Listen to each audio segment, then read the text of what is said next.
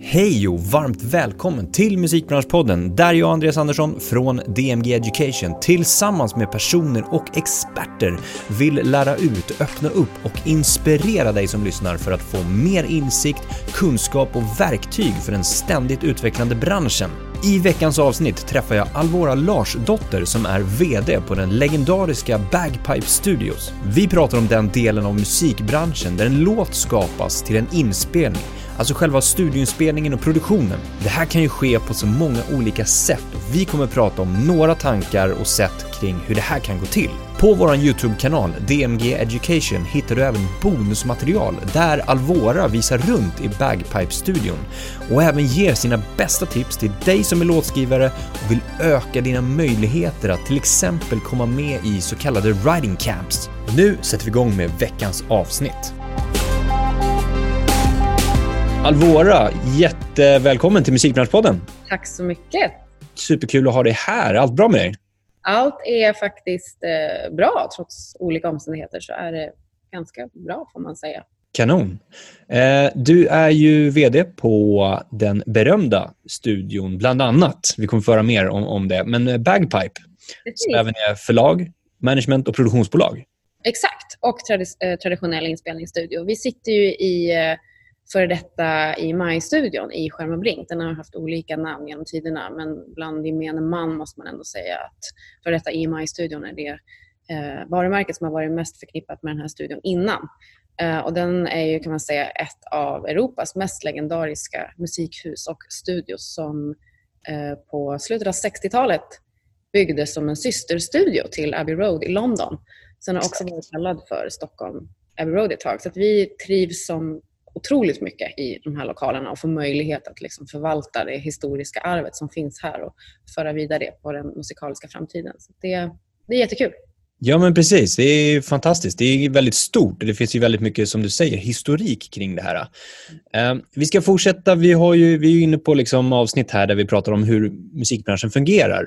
Och eh, den här, det här avsnittet ska vi prata, vi ska prata om studioinspelning och produktion och lite runt kring det också eftersom ni, är, eh, ni gör lite alla olika bitar. Då. Men jag tror att man kommer förstå som lyssnare ändå vart någonstans man placerar in i värdekedjan eller ekosystemet och att eh, det faktiskt är många olika aspekter kring en, en studioinspelning helt enkelt.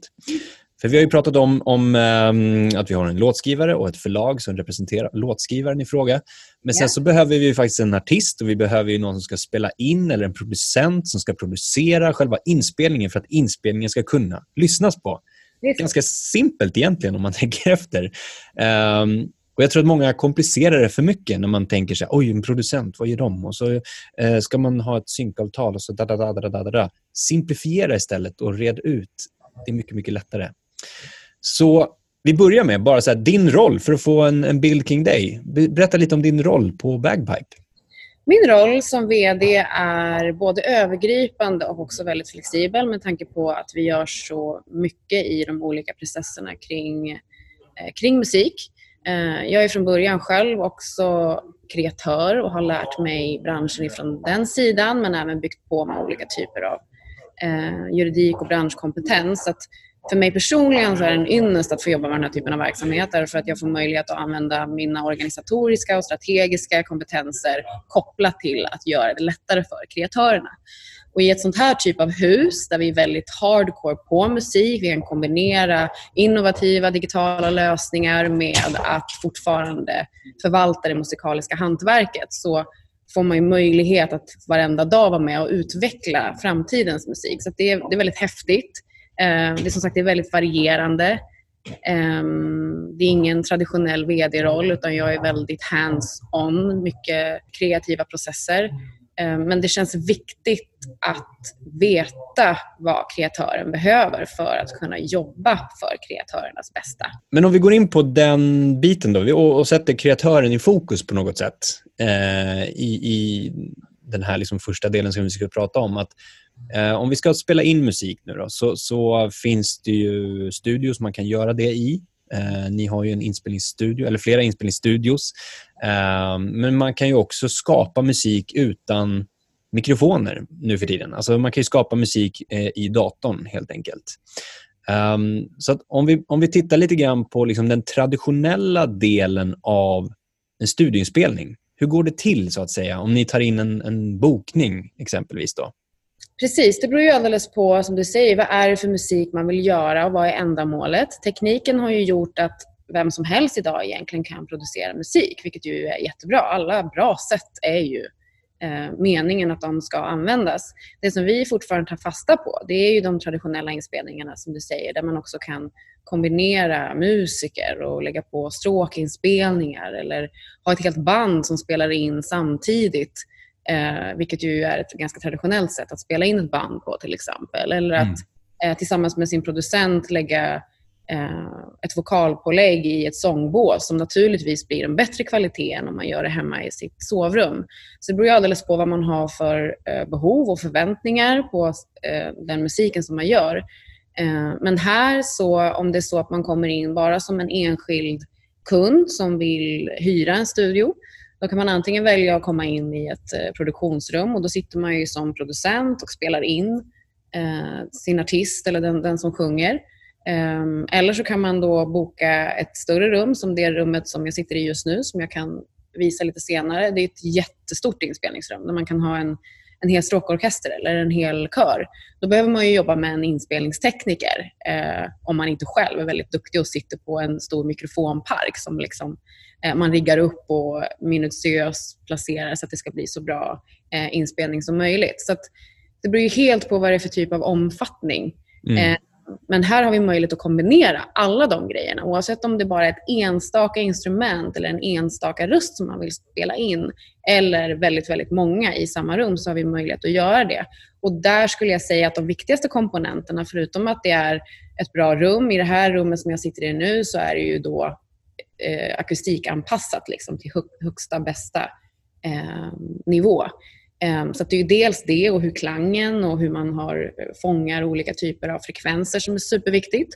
Och sen så är tekniken viktig, vad du har för mikrofon, alltifrån hur du kopplar ihop tekniken och vad du också naturligtvis spelar in på.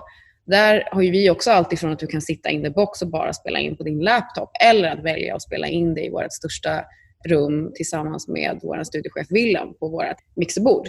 Eh, och det är ju ganska avancerat, men jag tycker också att det är väldigt charmigt att man kan komma hit oavsett var man befinner sig på den här kurvan eller stegen eller hur man ska förklara det, så, så kan man göra allting här.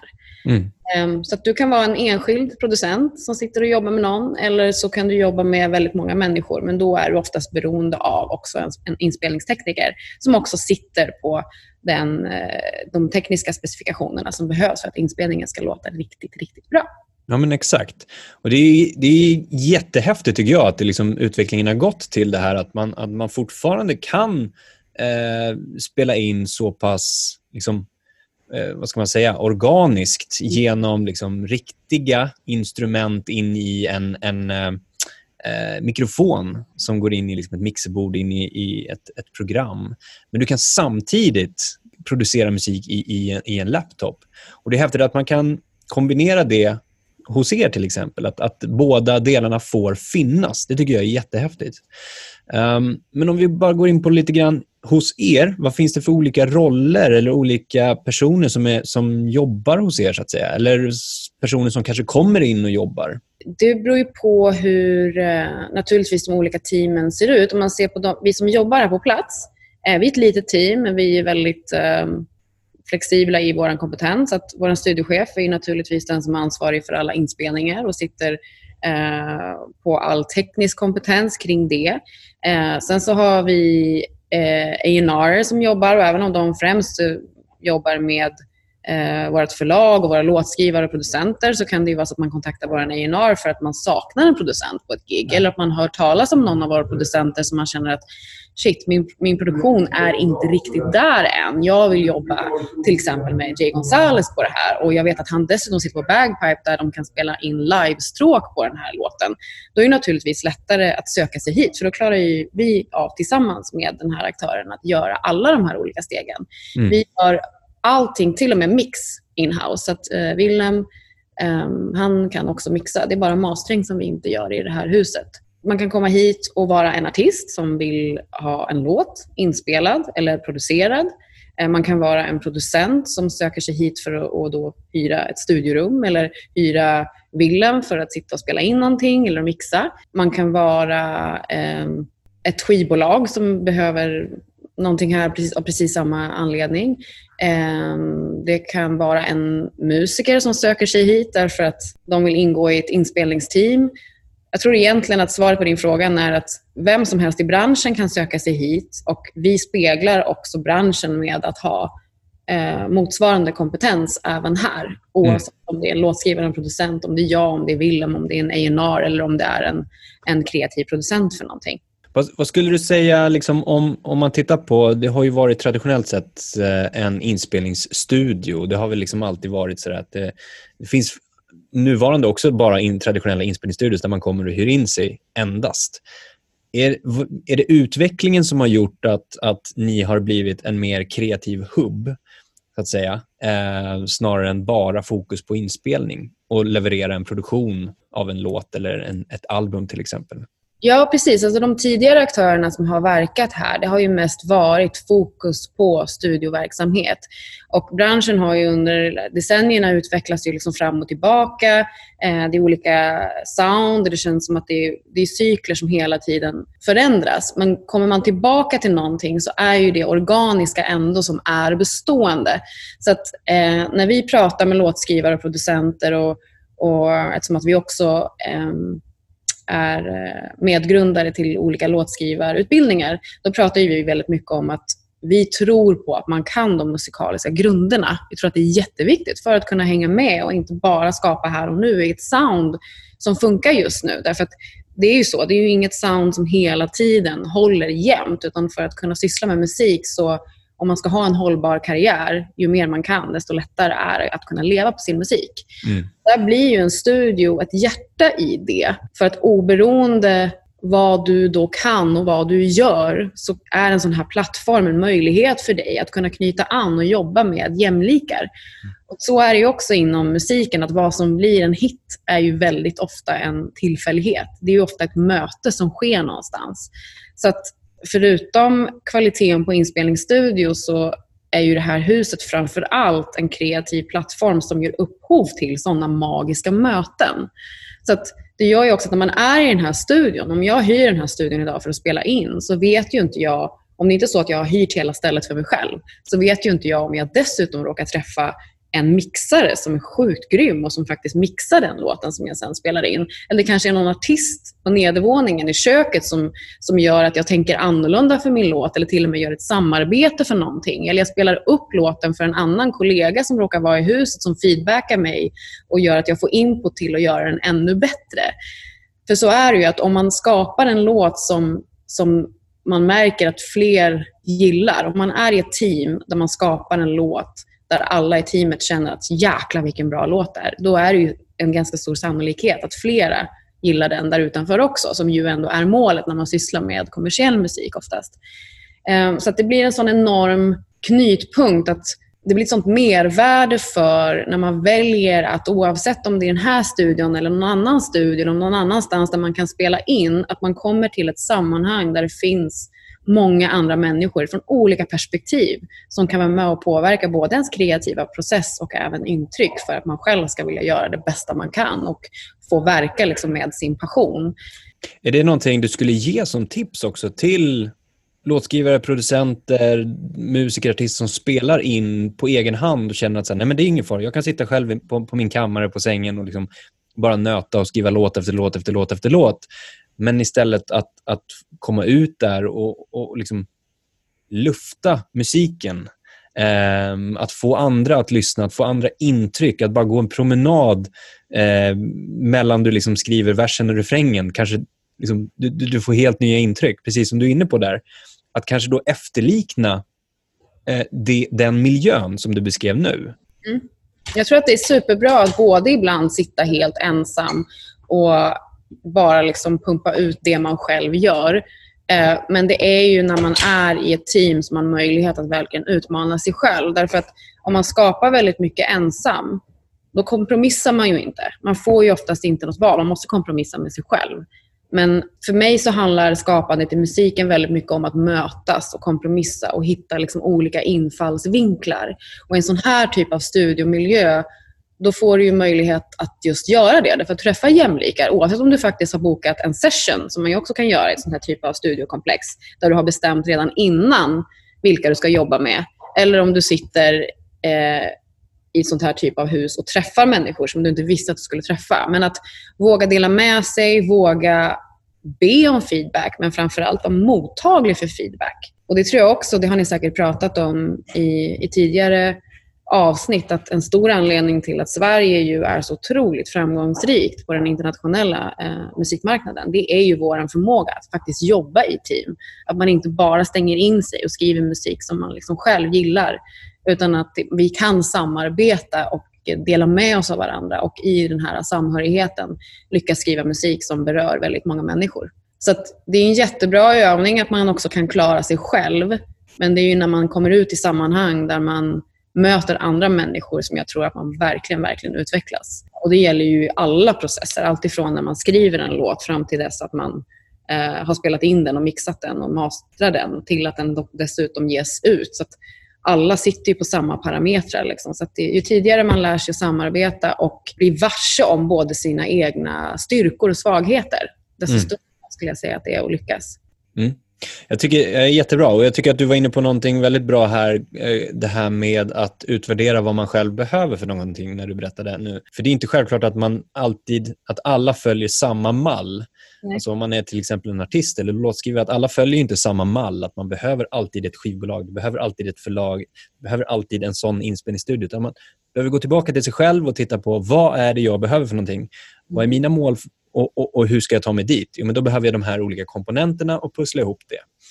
Eh, så det är ett jättebra bra exempel som du lyfte där nu också. Det jag tänkte på, du nämnde producent, tekniker och mastrare, eller mastering.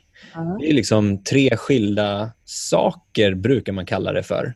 Yeah. Va, va, kan vi bara kort, liksom, jättesammanfattat, var, vad är det som skiljer de här tre olika rollerna? Vilket såklart också kan vara samma. Det är där någonstans vi behöver eh, poängtera också såklart. Det är också beroende på vilken skola man kommer ifrån. Och Det också har att göra, tror jag, med vilket sound som är inne och eh, hur liksom själv contained man är eh, också. Så det finns ju inget svar som är rätt. Men vissa producenter de sitter ju och gör allting själv. Alltså de proddar och mixar och till och med vissa mastrar också.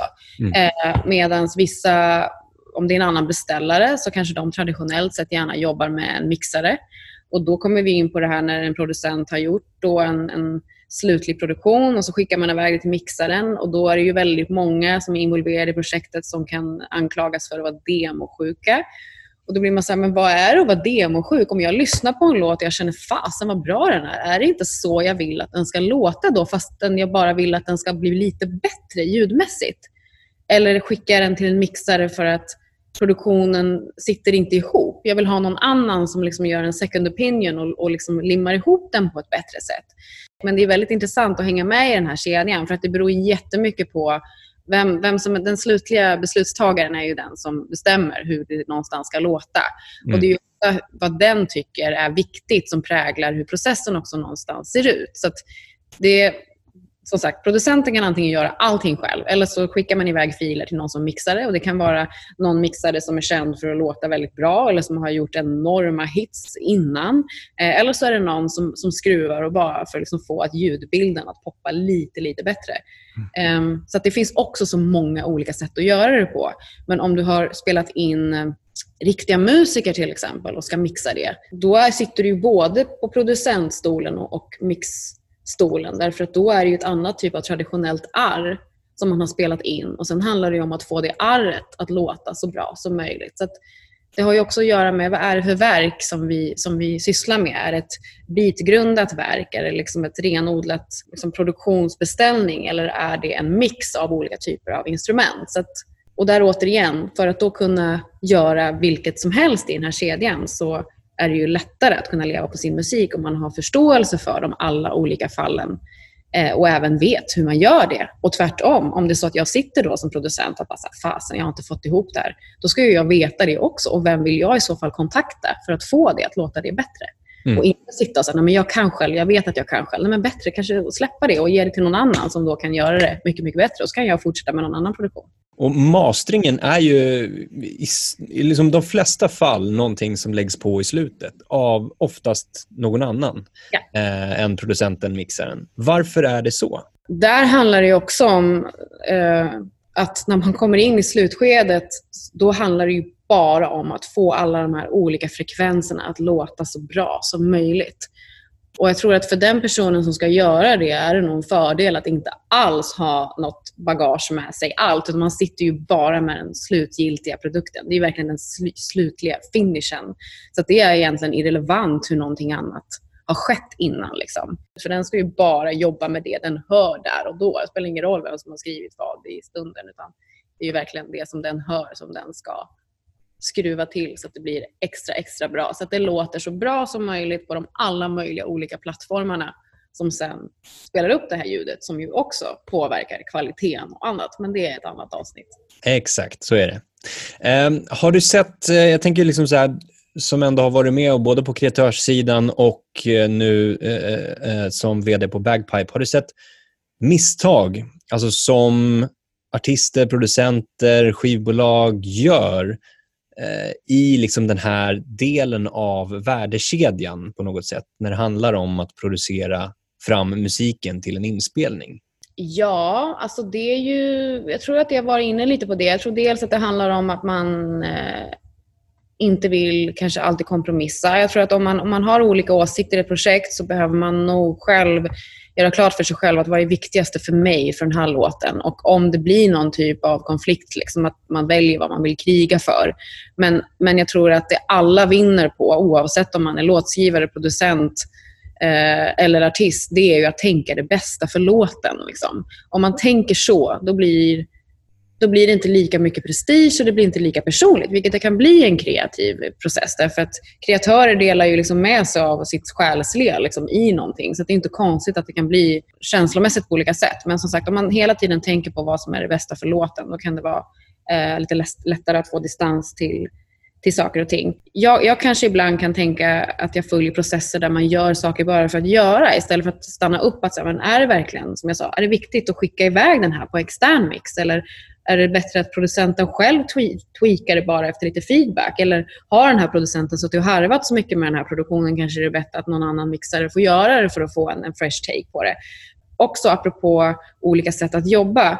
Det som vi har en möjlighet också här i huset, det är att om en producent sitter och gör sitt sound som är ganska signifikativt för en låt, vilket ju är det en producent ofta jobbar för, att få liksom någon typ av ID i sina produktioner då behöver man inte riva hela prodden för att mixa igen, utan då kan ju vi, som vi säger, ta upp den tillsammans med producenten på bordet. Så man liksom bara finslipar. Man behöver liksom inte lägga om allting efter teknikkonstens alla regler, utan man, man fortsätter där man är. Och Det är också någonting som är lättare att göra då när man till exempel har ett mixerbord som, som, som vi har i det här huset. Hur tror du nu liksom den här tekniska utvecklingen som vi har sett och, och, utvecklingen med att man kan producera väldigt mycket själv och det är väldigt mycket do it yourself och ni är ändå en, en stor liksom, aktör och spelar in mycket, som du säger, det är allt från stråkorkestrar till stora artister som kommer och ska lägga ja, med pålägg till, till mindre producenter som bara sitter och producerar. Va, hur tror du att utvecklingen framåt kommer se ut? Eh, jag tror ju att vi kommer att få se olika digitala lösningar naturligtvis och aktörer som vi inte vet om idag. Jag kan tänka mig att, att branschen om fem till tio år sitter på lösningar och möjligheter som vi idag kanske inte ens vet om. Det är bara att se hur det har utvecklats de senaste åren. Men man kan ju bara ta exemplet nu med den, med den typen av omständighet som vi sitter med. Covid-19 har ju gjort att Ehm, hela branschen någonstans stannar upp. Även om livescenen är den som är absolut mest utsatt så är ju det en, en motor för hela ekosystemet, vilket påverkar oss alla. Det som jag kan tycka har varit någonting som har varit nödvändigt i det här, det är ju att alla någonstans har fått stanna upp och så här, vad, vad, vad gör jag? Vad sitter jag på för någonting redan? Jag brukar säga det att det finns nog ingen annan bransch som jobbar lika mycket på späck som vi gör på den här delen av musikbranschen. Och det är ju inte jätte, jättekul alltid. Det är roligt att skriva på späck när man har drömmen vid liv och bara shit, den här låten skulle kunna sitta någonstans. Men resten så är det ju så ofantligt mycket musik som produceras som är riktigt bra men som aldrig släpps. Mm. Det har ju varit bra under den här tidsperioden att man har fått stanna upp och faktiskt använda grejer som vi redan har producerat eller spelat in eller vad det nu än är. Och sen apropå med live-scenen då med, med vad man i en studio då kan göra eh, när vi inte kan ses, men vi fortfarande har ett enormt behov av att mötas live. Eh, för att livemusik i sin form, hur man än vänder och vrider på det, är ju fortfarande bäst in real life. Och även om det växer upp massa olika typer av streaminginitiativ så blir det ju inte riktigt samma sak. Utan man vill ju fortfarande känna det här, man vill ha en hög kvalitet, man vill liksom kunna interagera på något sätt ändå som publik oavsett om det är med kommentarer eller vad det nu än är. Och det kommer upp olika lösningar från höger till vänster. Det ska bli väldigt intressant att se vilka, vilka som kommer med de här nya innovativa lösningarna. För Jag tror också att det är där det hänger. Hur interagerar man också med, med tittaren någonstans? Så att där tror jag också att det kommer att komma lösningar som vi idag kanske inte ens tänker på. Därför att även om vi hoppas att det går tillbaka till det normala, att vi kan få in stjärnartister som flyger hit och spelar in eller eh, resa till Los Angeles och sitta i sessions och producera där, så, så känns det ju som att det kommer ändå inte att bli så som det har varit. Och Det gör att vi kommer fortfarande ha ett behov som vi behöver tillfredsställa. Och det kommer, så kommer det naturligtvis även vara både på studio och produktionssidan också. Mm. Ehm, så där just nu, även om vi är en inspelningsstudio då, som fokar på ljud som ska låta superbra, så försöker vi just nu tillfredsställa behovet av att fortfarande kunna vara med i den kreativa processen som, som lyssnare, som fan till någon. Så där eh, håller vi just nu på att installera en, en broadcasting setup så att om du kommer, oavsett om du är artist eller vad det nu är, du kanske vill komma hit och spela in din stråkorkester så kan du både dokumentera den men du kan också livestreama på en gång. Så att jag tror att vi kommer att få se olika typer av mer digitala incitament. De kommer aldrig någonsin kunna ersätta den mänskliga värmen och beröringen som blir när man liksom ses live. Men det är det som någonstans har varit vår styrka under eh, den här våren. Att trots att vi naturligtvis har behövt eh, ta hänsyn till enorma restriktioner så har det här huset varit en frizon. Därför att, eh, som jag kan avsluta sen och visa, så är det liksom väldigt stort. Man behöver inte sitta på varandra utan man kan ändå fortfarande skapa och träffas utan liksom att, att sitta i knät på varandra.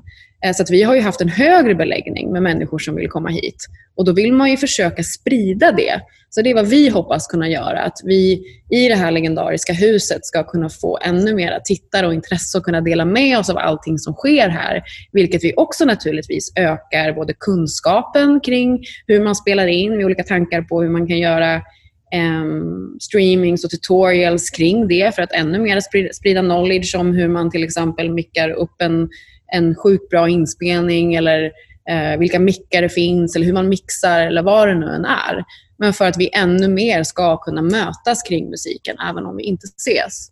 Och Jag tror den delen är jätteviktig. Sen tror jag också i den situationen som vi befinner oss i, som du sa, så har ju också eh, möjligheten, eller jag tror att många har börjat utforska möjligheten att, att skriva musik, att spela in musik och producera musik på distans ja. eh, via olika verktyg. Att man vågar, eller nästan blir tvingad att ta det steget när man har suttit på sin egna kammare, så att säga, men ändå ska skriva låtar med andra eller producera låtar med andra. Så den, jag tror att båda de delarna hänger ihop och jag tror att de båda är, är bra för utvecklingens skull framåt också. Verkligen. Och just att det ena behöver inte utesluta det andra, utan det kan vara ett komplement, som du säger. Eh, vilket också ju när man sitter och har en online session, då får man jobba lite mer effektivt. Och Det tankesättet kanske man kan ha med sig också sen när man ses fysiskt och spelar in eller vad det nu än är. Exakt. Och kreatörer och vi, vi har alltid ett behov av att vi måste känna vibe och vi ska känna liksom att vi connectar när vi gör någonting. Men om vi lär oss att göra det lite mer effektivt, då, då kanske det blir en bättre process också. Vi ska binda ihop lite grann, bara om du får ge, du har gett jättebra tips under hela samtalet och tankar så här, men om vi bara binder ihop det lite grann och du sammanfattar kort eh, dina tips till person, alltså för att en inspelning om produktion ska gå så bra som möjligt, ska flytta på så bra som möjligt. Det är ju väldigt så här, det är ju inte förrän egentligen du vet vem som vill ha en låt eller ska ha en låt som du vet hur den ska låta. Mm. Så, så här, om du ska producera en demo, då satsar man inte på att hyra in en stråkorkester.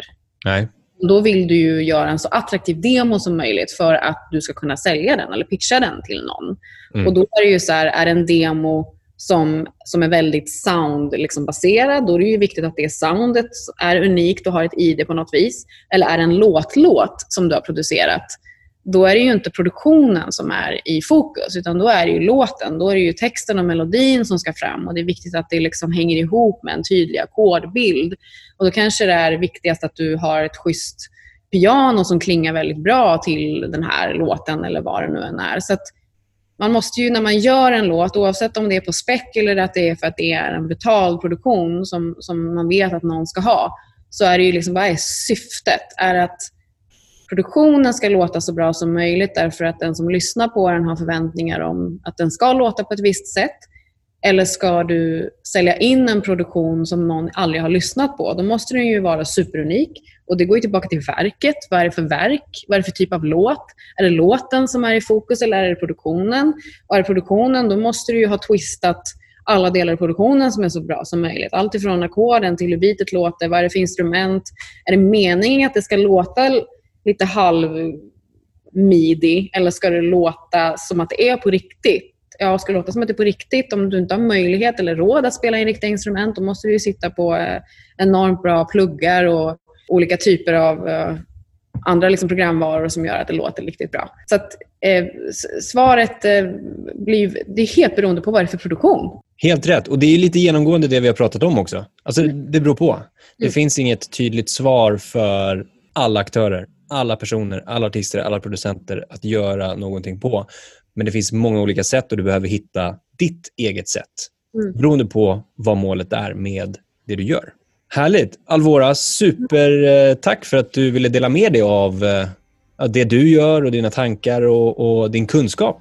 Härligt! Jätteroligt att få vara med. Jag hoppas att eh, någon tycker att det var någonting som jag sa som man känner att men det där vill jag försöka eller ta vara på. Och som sagt, ni är jättevälkomna till Palandergatan 33 och eh, Bagpipe Studios. Stort tack för att du har lyssnat på veckans avsnitt. Får du inte nog och vill lära dig mer? Vill du utveckla din karriär till nästa nivå? Då tycker jag att du ska söka till någon av våra onlinekurser Music Business eller Independent Artist som startar till hösten. Läs mer på vår hemsida dmgeducation.se. Ta hand om er därute så ses vi igen nästa vecka.